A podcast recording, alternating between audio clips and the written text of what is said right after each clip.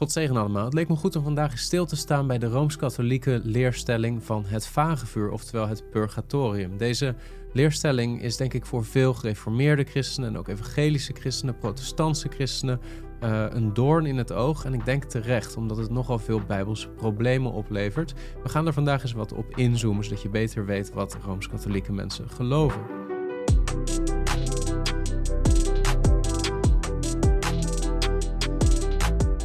Het is goed om te beseffen vooraf dat uh, in de Rooms-Katholieke Kerk de leer niet slechts gebaseerd is op de Bijbel, op de schrift. Uh, in de Rooms-Katholieke Kerk is de leer gebaseerd op drie bronnen. Dat is de schrift, de Bijbel, waarbij ze een wat afwijkende kanon hebben van de kanon die wij als uh, gereformeerde of protestantse christenen hanteren. Ten tweede de traditie, wat zij zien als de overlevering. Zij geloven dat er een soort mondelinge apostolische overlevering is die net zo accuraat als het ware aangeeft wat de apostelen hebben onderwezen als de schrift zelf. En ten derde het magisterium of het leergezag van de kerk. Um, het is voor Rooms-Katholieken in die zin niet zo heel erg belangrijk. Het is niet van levensbelang voor hen om te bewijzen dat iets wat ze geloven ook voortvloeit uit de Bijbel of dat het daar letterlijk terug te vinden is. Dat is sinds de Reformatie een principe wat in de protestantse kerken natuurlijk gehanteerd wordt. Sola scriptura, de schrift is de enige gezaghebbende en algenoegzame basis voor de geloofsleer. Uh, de Rooms-Katholieke kerk hanteert dat principe niet. Um, dus uh, de vraag stellen, wat is nou eigenlijk de Bijbelse basis van deze leer? Is op zich al een beetje je vergissen in wat de basis is binnen het rooms-katholicisme van de leer überhaupt. Um, maar dat gezegd hebbend is het wel zo dat rooms-katholieken uh, ook verwijzen naar bepaalde plaatsen uit de schrift. Daar zullen we ook kort naar kijken om een zekere indicatie te hebben in de schrift of iets wat zou kunnen wijzen in de schrift op de validiteit van hun leerstelling. Nou, ik denk dat die indicatie uh, onterecht is. Uh, en we zullen daar straks ook naar kijken, naar een van de Bijbelteksten die vaak aangehaald worden. Uh, maar voordat we daar verder over spreken, is goed om eens de definitie van de leer van het purgatorium, van het vagevuur, vanuit de Rooms-Katholieke Kerk zelf voor te lezen. In de catechismus van de Katholieke Kerk, daar lezen we het volgende.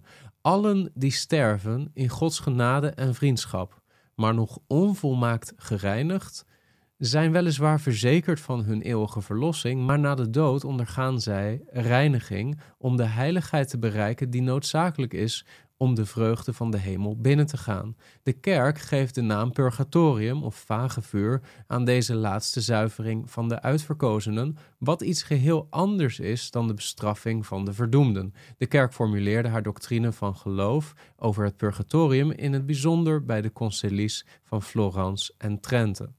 Oké, we zullen ook kijken naar uh, de concilies van Florence en Trente, wat daar precies uh, geschreven staat over deze leer.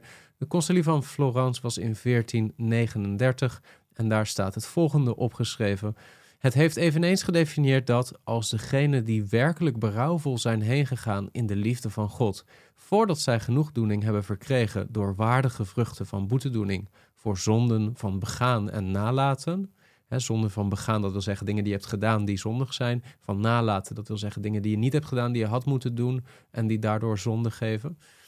De zielen van hen na de dood worden gereinigd door middel van vagevuurstraffen. Vagevuurstraffen. En zodat zij van dit soort straffen kunnen worden verlost, zijn de voorbeden van de levende heiligen van voordeel voor hen. Namelijk de offers van missen, van de missen, de heilige mis in de katholieke kerk, gebeden en het geven van aalmoezen en andere werken van vroomheid, die gewoonlijk door de gelovigen worden uitgevoerd voor andere gelovigen volgens de instellingen van de kerk. Dat is wat hier staat in het concilie van Florence opgetekend. En de concilie van Trente in 1563, daar lezen we dit. Sinds de katholieke kerk, onderwezen door de Heilige Geest in overeenstemming met de heilige geschriften en de oude traditie van de vaders in heilige concilies, en zeer recentelijk tijdens deze oecumenische synode, heeft geleerd dat er een vagevuur is en dat de zielen die daar worden vastgehouden worden bijgestaan door de gebeden van de gelovigen en vooral door het aanvaardbare offer van het altaar gebiedt de Heilige Synode de bisschoppen dat zij erop aandringen dat de gezonde leer van het vagevuur, die is overgedragen door de Heilige Vaders en Heilige Concilies, wordt geloofd door de gelovigen van Christus, wordt gehandhaafd, onderwezen en overal gepredikt. Tot zover. Dus wat onderwijst de Rooms-Katholieke Kerk nu precies? Wat ze geloven is dat iemand die in Christus is, een, een, een christen, een gelovige, iemand die onderdeel is van de kerk, op het moment dat hij gelooft in Jezus Christus, weliswaar gered is, of in elk geval uh, in de staat van genade komt te staan, maar tijdens zijn leven nog steeds allerlei zonden, tijdelijke zonden kan begaan. En ze maken in de Rooms-Katholieke Kerk een onderscheid tussen uh, dodelijke zonden en tijdelijke zonden, of mortal sin en venial sin. En um, die dodelijke zonden, die, als je die begaat, dan kun je je verlossing daarmee verliezen. Uh, want dat is in het Rooms-Katholieke systeem mogelijk. Ze geloven dat ook ware wedergeboren christenen hun verlossing kunnen verliezen. Um, maar op het moment dat je geen dodelijke zonde begaat voor het sterven, maar wel bepaalde tijdelijke zonden begaat, en we kunnen ervan uitgaan dat zo'n beetje iedere christen die sterft, ook in de Rooms-Katholieke Kerk, dat soort zonden nog heeft begaan. Um, en op het moment dat daar geen boetedoening voor is gedaan, en nu is het even belangrijk om onder de motorkap van het Rooms-Katholieke denksysteem te kijken. Zij geloven dat zonde niet slechts um, rechtvaardiging of vergeving vereist door het offer van de Heer Jezus Christus, maar dat er ook een bepaalde uh, vlek van zonde op de ziel van de gelovige blijft kleven, die weggewassen moet worden. En dat is kennelijk niet iets wat is gebeurd door het offer van de Heer Jezus Christus. Zijn bloed was als het ware niet die vlek van jouw ziel af van de tijdelijke zonde die jij hebt uh, begaan. Nee, er moet nog boete gedaan worden voor die zonde. En dat kan tijdens het leven gebeuren, doordat er wordt gebiecht bij een priester, doordat die priester bepaalde handelingen oplegt, waardoor boetedoening kan plaatsvinden. En dat kan zijn door deelname aan de mis, hè, aan, de Eucharistieviering, door bepaalde gebeden, door bepaalde aalmoezen te geven, bepaalde handelingen te verrichten, et cetera, et cetera. Maar het, het idee is, er moeten bepaalde handelingen verricht worden om als het ware die, die vlek van die tijdelijke zonde weer van je ziel af te wassen. Dat is een beetje hoe zij dat zouden beschrijven. Maar op het moment dat dat niet in volmaakte zin gebeurd is, voordat de Rooms-Katholieke gelovige is gestorven, dan kan die Rooms-Katholieke gelovige nog niet binnengaan in de heilige tegenwoordigheid van God, in het paradijs, in de hemel. En dan komt dus die Rooms-Katholieke gelovige, en volgens Rooms-Katholieken natuurlijk uh, niet alleen de Rooms-Katholieken, maar alle christenen in Christus, in een staat van genade, die dus als het ware bestemd zijn na de dood om bij God te zijn, bij Christus te zijn, die komen dan in een soort hemelse wachtkamer. Ze kunnen niet direct binnengaan in de tegenwoordigheid van God, want eerst moet er dus een soort reiniging plaatsvinden, een soort hemelse wasmachine om die vlekken van de ziel af te wassen. En dat is het vagevuur. Het vagevuur is eigenlijk een soort vuur waar dat wordt weggebrand en gereinigd. Alleen de termen die gebruikt worden om dat vage vuur te beschrijven, zijn termen van, van bestraffing, van boetedoening, van vergelding. En uh, als je met Rooms-Katholieken eh, praat hierover, dan, dan zullen ze het soms hebben over het idee dat de functie van dit vuur is om jou te reinigen. En, dat, en ook C.S. Lewis sprak erover dat, uh, dat het eigenlijk heel logisch is en dat een christen er ernaar zou moeten verlangen om eerst gereinigd te worden van die tijdelijke zonde voordat hij binnenkomt in de tegenwoordigheid van de Heer Jezus Christus en van God. Um, maar wat wat tegenstrijdig is, is dat in deze doctrine uh, geleerd wordt dat die vagevuurstraffen verkort of weggenomen kunnen worden door dat levende gelovigen bepaalde handelingen verrichten voor de gestorvenen.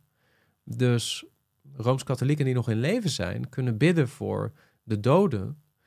Om door middel van hun gebeden, of door deelname aan de missen, of door het geven van aalmoezen, of andere werken van vroomheid. En we weten vanuit de geschiedenis van de Rooms-Katholieke Kerk ook door middel van aflaten. Hè, dus als het ware, um, ja, in, in, in zekere zin uh, aalmoezen waarmee je als het ware afkoopt de tijd die iemand doorbrengt in het vagevuur, dat die tijd verkort kan worden. En het idee van het vagevuur is wel degelijk dat er een vorm van lijden plaatsvindt. Het wordt wel in de doctrine beschreven als iets geheel anders dan de bestraffing in de hel van hen die niet in de staat van genade verkeren. Maar we hebben het hier wel degelijk nog over termen die wijzen op boetedoening en bestraffing. Uh, dat, dat lees je in de concilie van Florence. Hè, er wordt hier gesproken over vagevuurstraffen. En er wordt gesproken over, en zodat zij van dit soort straffen kunnen worden verlost.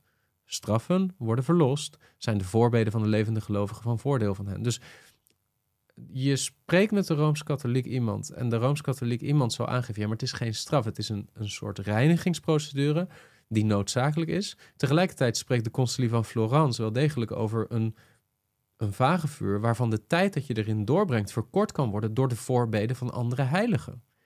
Dus we zitten met een soort probleem. De Rooms-Katholieke gelovige geeft aan dat de voorbeden van Jezus Christus en zijn dood aan het kruis en zijn bloed aan het kruis en de rechtvaardiging die tot ons komt door geloof in Jezus Christus op zichzelf niet genoeg is om onze ziel volledig te reinigen bij het binnengaan van de hemel. Nee, omdat er een praktisch probleem is van tijdelijke zonde die nog kleeft aan onze ziel, moeten we zelf door dat vage vuur. Maar de tijd die je daarin doorbrengt, kan dan wel weer verkort worden door de voorbeden uh, van de gelovigen die nog leven. Dus iets wat Christus niet heeft bereikt met zijn offer, kan nog wel voor ons bereikt worden door de voorbeden, aalmoezen, uh, deelname aan de missen van levende gelovigen in de kerk. En daar zit een grote tegenstrijdigheid in. Um, goed, deze leer is denk ik voor veel protestantse christenen, ehm, veel gereformeerde christenen, evangelische christenen zoals ik zelf, is dit vrij bizar. En dat is omdat wij ervan uitgaan dat we onze leer baseren op de Bijbel alleen. En als je de Bijbel alleen leest, dan kom je nooit tot deze overtuiging, tot deze leerstelling. Aha, zegt de Rooms-Katholieke gelovige, maar er zijn wel bepaalde indicaties in de schrift dat er zo'n vaagvuur zou kunnen zijn. En één tekst die dan wordt aangehaald, er wordt ook een tekst vaak aangehaald uit twee Maccabeeën, maar twee Maccabeeën wordt zo in de Joodse traditie uh, als in de protestantse traditie niet gezien als onderdeel van de gezaghebbende geschriften. Met andere woorden, uh, we hebben geen reden om te geloven dat de Heer Jezus en ook de Joden uit zijn tijd en de tijd daarna uh, twee Maccabeeën zagen als geïnspireerde schrift. Um, dus dat is een reden waarom ik niet naar twee Maccabeeën zal kijken. Ook al is daar ook van alles op aan te merken. Maar ze verwijzen ook naar 1 Korinthe hoofdstuk 3. Naar iets wat Paulus schrijft. En ze zien dat als een um, bijbels niet bewijs. Daarvoor is het niet sterk genoeg. Maar ze zien het wel als een soort indicatie, een voorzichtige aanwijzing dat de Bijbel uh, ook wijst op een vage vuur, op een plek na de dood waar christenen nog een periode zullen verblijven en zullen uh, lijden, boete doen voor de tijdelijke zonden die nog aan hun ziel kleven. Nou, we gaan kijken naar 1 Korinthe hoofdstuk 3 om te zien of dat inderdaad is wat Paulus onderwijst. We beginnen te lezen bij vers 5. Paulus zegt dit: Wie is Paulus dan? En wie is Apollos? Anders dan dienaren door wie u tot geloof gekomen bent. En dat zoals de Heer aan ieder van hen gegeven heeft. Ik heb geplant, Apollos heeft begoten, maar God heeft laten groeien. Dus is dan nog hij die plant iets, nog hij die begiet, maar God die laat groeien. En hij die plant en hij die begiet zijn één, maar ieder zal zijn eigen loon ontvangen overeenkomstig zijn eigen inspanning. Want Gods medearbeiders zijn wij, Gods akker en Gods bouwwerk bent u. Overeenkomstig de genade van God die mij gegeven is, heb ik als een wijs bouwmeester het fundament gelegd en een ander bouwt daarop. Ieder dient er echter op toe te zien hoe hij daarop bouwt. Want niemand kan een ander fundament leggen dan wat gelegd is, dat is Jezus Christus. Of nu iemand op dit fundament bouwt met goud, zilver, edelstenen, hout, hooi of stro, ieders werk zal openbaar worden de dag zal het namelijk duidelijk maken, omdat die in vuur verschijnt. En hoe ieders werk is, zal het vuur beproeven. Als iemands werk dat hij op het fundament gebouwd heeft standhoudt, zal hij loon ontvangen. Als iemands werk verbrandt, zal hij schade lijden. Hij zelf echter zal behouden worden, maar wel zo als door vuur heen. Nou, wat is de context van dit schriftgedeelte? Paulus heeft het, en daarom las ik die versen vanaf vers 5. Paulus heeft het over uh, dienstknechten van Christus. Hij verwijst naar zichzelf en hij verwijst naar Apollos. En dat doet hij omdat er partijschappen zijn in de gemeente in Korinthe. Er zijn bepaalde christenen die zeggen: Ik associeer me met Paulus, anderen associëren zich met Apollos. En Paulus geeft aan, het gaat niet om de namen van Paulus of Apollos of hun specifieke bedieningen. Nee, wij zijn alle van Christus en de gemeente is het werk van God. En wij zijn medearbeiders van God. En wij hebben de taak gekregen, zeker Paulus en Apollos, om te bouwen op het fundament van Jezus Christus in de gemeente. Hun bediening was iets wat ze serieus namen. En Paulus die geeft aan, zo geldt het ook voor christenen. Wat wij doen nadat wij gered zijn. De werken die wij hebben als christenen. En dan gaat het specifiek ook om bediening. De manier waarop we onszelf geven in het koninkrijk van God, in de lokale gemeente, om de medeheiligen te dienen, om de gemeente op te bouwen, om het evangelie te verkondigen, et cetera, et cetera. Die werken, um, die kunnen van een bepaalde kwaliteit zijn. Die, die kunnen van goud zijn, als het ware, van zilver, van edelstenen. Maar het kan ook zijn dat wij bepaalde werken verrichten met verschillende verkeerde motieven. Of dat de werken die wij doen in de lokale gemeente niet heel hartig zijn. En dan spreekt Paulus over hout, hooi of stro. En dan zegt Paulus dit, want dit is het beeld waar het over gaat. Hij zegt: Niemand kan een ander fundament leggen, vers 11, dan wat gelegd is, dat is Jezus Christus. Vers 12, of nu iemand op dit fundament bouwt met goud, zilver, edelstenen. Dat is de, enige, de ene categorie. De categorie van christenen die zich volledig inzetten en vanuit een goede motivatie de lokale gemeente en het koninkrijk van God dienen en op die manier investeren in het koninkrijk van God met het beste wat ze hebben, met goud, met zilver en edelstenen. En dan gaat Paulus verder en beschrijft in een andere categorie of dat iemand bouwt met hout, hooi of stro materialen die we zien als minder kostbaar. Materialen die getuigen van een gebrek aan toewijding. En Paulus erkent die twee categorieën. Christenen die hardgrondig uh, alles wat ze hebben investeren, het meest kostbare wat ze hebben investeren in de bediening, in de lokale gemeente, versus christenen die weliswaar gered zijn, maar niet hardgrondig het beste wat ze hebben investeren in de lokale gemeente. En dan zegt Paulus dit: Ieders werk zal openbaar worden. Wat is de context? Ieders werk, ieders werk met betrekking tot de gemeente zal openbaar worden. De dag zal het namelijk duidelijk maken. Waar gaat het over? De dag. De dag in de context waarin Paulus spreekt gaat vaak over de dag van het oordeel. Het moment dat ook gelovigen zullen staan voor de oordeelstroon van Christus om hun loon te ontvangen. Dat zullen we ook lezen in de context. De dag zal het namelijk duidelijk maken omdat die in vuur verschijnt. Overigens een interessant detail. Uh, niet per se uh, noodzakelijkerwijs van toepassing op wat we hier lezen, maar weet je nog uit Openbaring hoofdstuk 1 dat wanneer Johannes de verheerlijkte Jezus Christus ziet, dan ziet hij zijn ogen als vuurvlammen. Ik denk dat het uh, niet onredelijk is om het vuur wat hier beschreven wordt door Paulus te vergelijken met wat Johannes ziet in Openbaring hoofdstuk 1. Wij zullen verschijnen na ons leven hier op aarde voor onze Heer Jezus Christus. En wij zullen oog in oog voor Hem staan en verantwoording moeten afleggen van de werken die we hebben gedaan, ook na onze verlossing. Jezus zegt: Ik ben er, mijn loon is bij mij, om een ieder te belonen naar zijn werken. Maar dat betekent ook dat de dingen die ik heb gedaan als christen, die misschien niet hardgrondig waren, of een gebrek aan inzet in de lokale gemeente, iets is waar ik verantwoording van zal moeten afleggen voor de Heer Jezus Christus. Nu, dan zegt Paulus dit. Ieders werk zal openbaar worden. De dag zal het namelijk duidelijk maken, omdat die in vuur verschijnt. En hoe ieders werk is, let op, hoe ieders werk is, zal het vuur beproeven. Wat gaat er door het vuur heen? De persoon zelf of het werk? Nee, de werken van de persoon gaan door vuur beproefd worden. Als iemands werk, vers 14, dat hij op het fundament gebouwd heeft, stand houdt, zal hij loon ontvangen. Nou, welke werken zullen stand houden? De werken die vanuit een waarachtig hart, volledig toegewijd aan de Heer Jezus Christus, gegeven zijn. Goud, zilver, edelstenen, dat zijn materialen die kunnen de beproeving van vuur doorstaan. Dus die werken zullen blijven staan als ze door het vuur zijn gegaan. En dan staat er, als, ieder, als iemands werk dat hij op het fundament gebouwd heeft standhoudt, zal hij loon ontvangen. Dus die werken, die, dat goud, dat zilver, die edelstenen, die zullen als het ware vergolden worden, beloond worden met loon. Wat betekent dat loon precies? Dat is best wel moeilijk. Dat is in zekere zin is dat speculatie. Maar de Jezus heeft gezegd, hij zal loon geven aan mensen die in Christus zijn en die trouw hem dienen. Hij zal dat belonen. Maar dan staat er achteraan, vers 15, als iemands werk verbrandt. Dat wil zeggen, als iemand heeft geïnvesteerd in de lokale gemeente, niet met het beste wat hij heeft, maar met hout, met hooi, met stro. Als iemands werk verbrandt, zal hij schade lijden. Op welke manier zal die schade lijden? Er staat niet dat de persoon zelf in het vuur zal lijden. Dat staat er niet.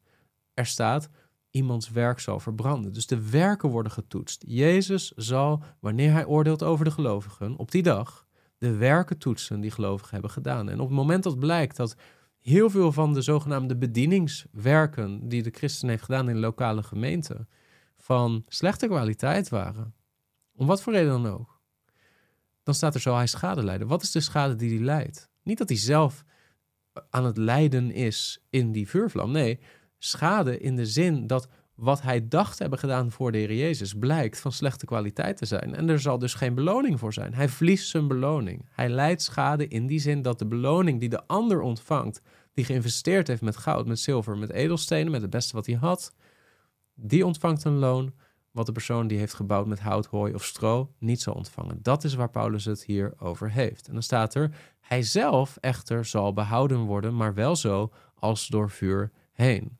Dat wil nog steeds niet zeggen dat hij zelf in vuur zal lijden. Nee, hij zal zelf door die fase, door dat stadium van dat beproevend vuur heen moeten gaan. En hij zal dus die werken van slechte kwaliteit, van hout, van hooi, van stro, niet kunnen meenemen naar de andere kant daarvan. Hij zal loon mislopen, hij zal schade lijden. Nu, de Rooms-Katholieken die verwijzen naar dit schriftgedeelte. Overigens wordt het niet aangehaald in de Concilie van Trente uh, als een bewijstekst voor de doctrine van het vagevuur, omdat ik denk dat Rooms-Katholieken zelf ook in die tijd tot de conclusie kwamen dat deze tekst daar waarschijnlijk niet over spreekt, niet aanleiding geeft in het concept van het vagevuur te geloven. Uh, dus ook binnen Rooms-Katholicisme is het niet onverdeeld dat deze tekst zou gaan over het vagevuur. Maar dit is wel zo'n beetje de enige tekst die ze hebben. Een andere tekst die soms wordt aangehaald is een tekst uh, die gaat over de zonde tegen de Heilige Geest. Die we vinden in de synoptische evangelie, waar Jezus uh, zegt dat de zonde van lastering tegen de Heilige Geest niet vergeven zal worden, nog in het heden, nog in de toekomende eeuw of in de toekomst. Uh, waarbij Rooms-Katholieken zeggen: aha, kennelijk is er ook in de toekomst nog een stadium waarin zonde vergeven kan worden. Dat is het vagevuur.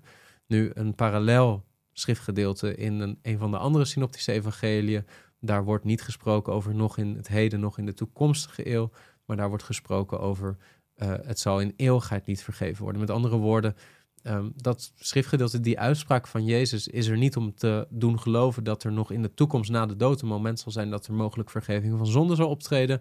Nee, wat Jezus wil benadrukken is dat er een bepaalde zonde is die nooit vergeven zal worden. Een eeuwige zonde, een zonde die geen vergeving kent. In een andere video heb ik overigens ook uitgelegd wat ik denk dat de beste interpretatie is van de zonde tegen de Heilige Geest, maar dat is niet het onderwerp van vandaag. Um, onder deze video vind je overigens een link naar die video.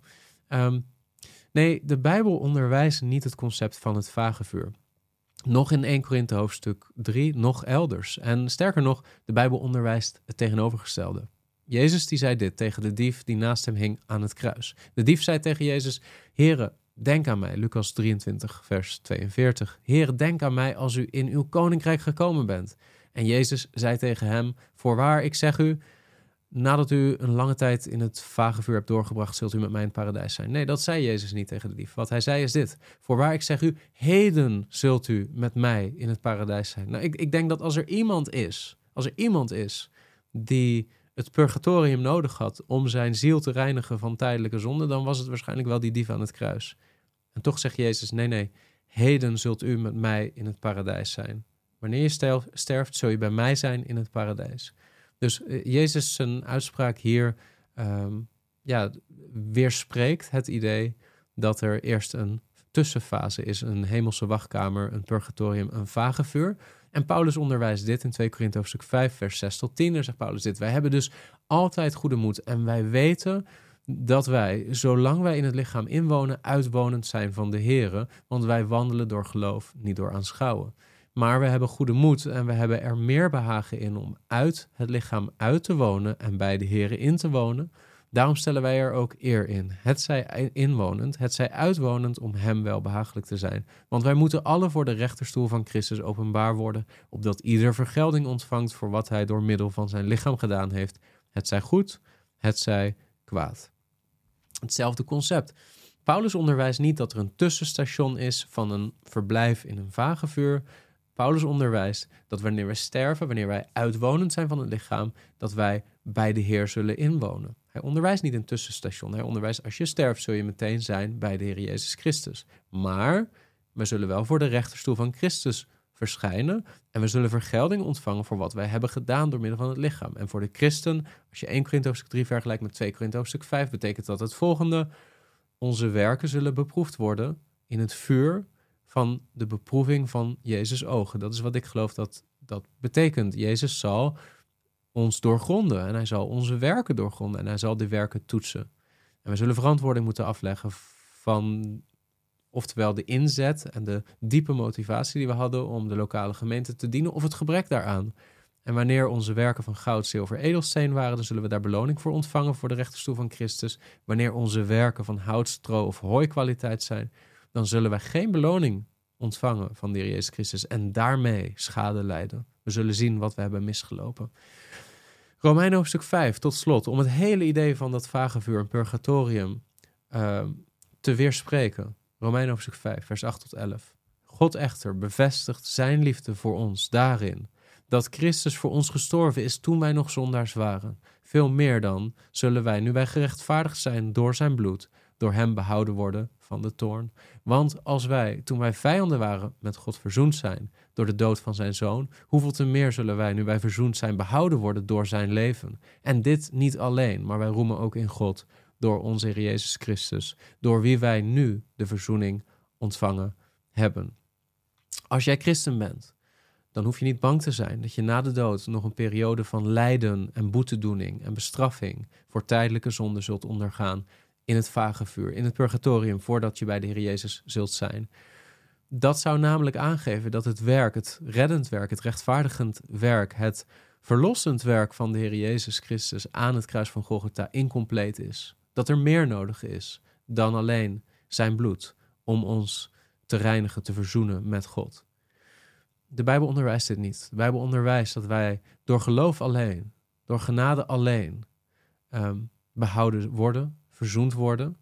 En God heeft niet zo'n reinigingsvuur nodig om ons straks klaar te maken om Jezus te ontmoeten. Nee, net zoals met de Melaatsen, en dat is een punt wat ook John Piper maakt, net als met de Melaatsen waarbij Jezus met één woord aangeeft, word rein, en de melaatsheid verdwijnt van hun huid. Op dezelfde manier zal straks, wanneer wij zullen binnengaan in de heerlijkheid, onze Heer Jezus met één woord ons kunnen reinigen van welke vlek dan ook op onze ziel.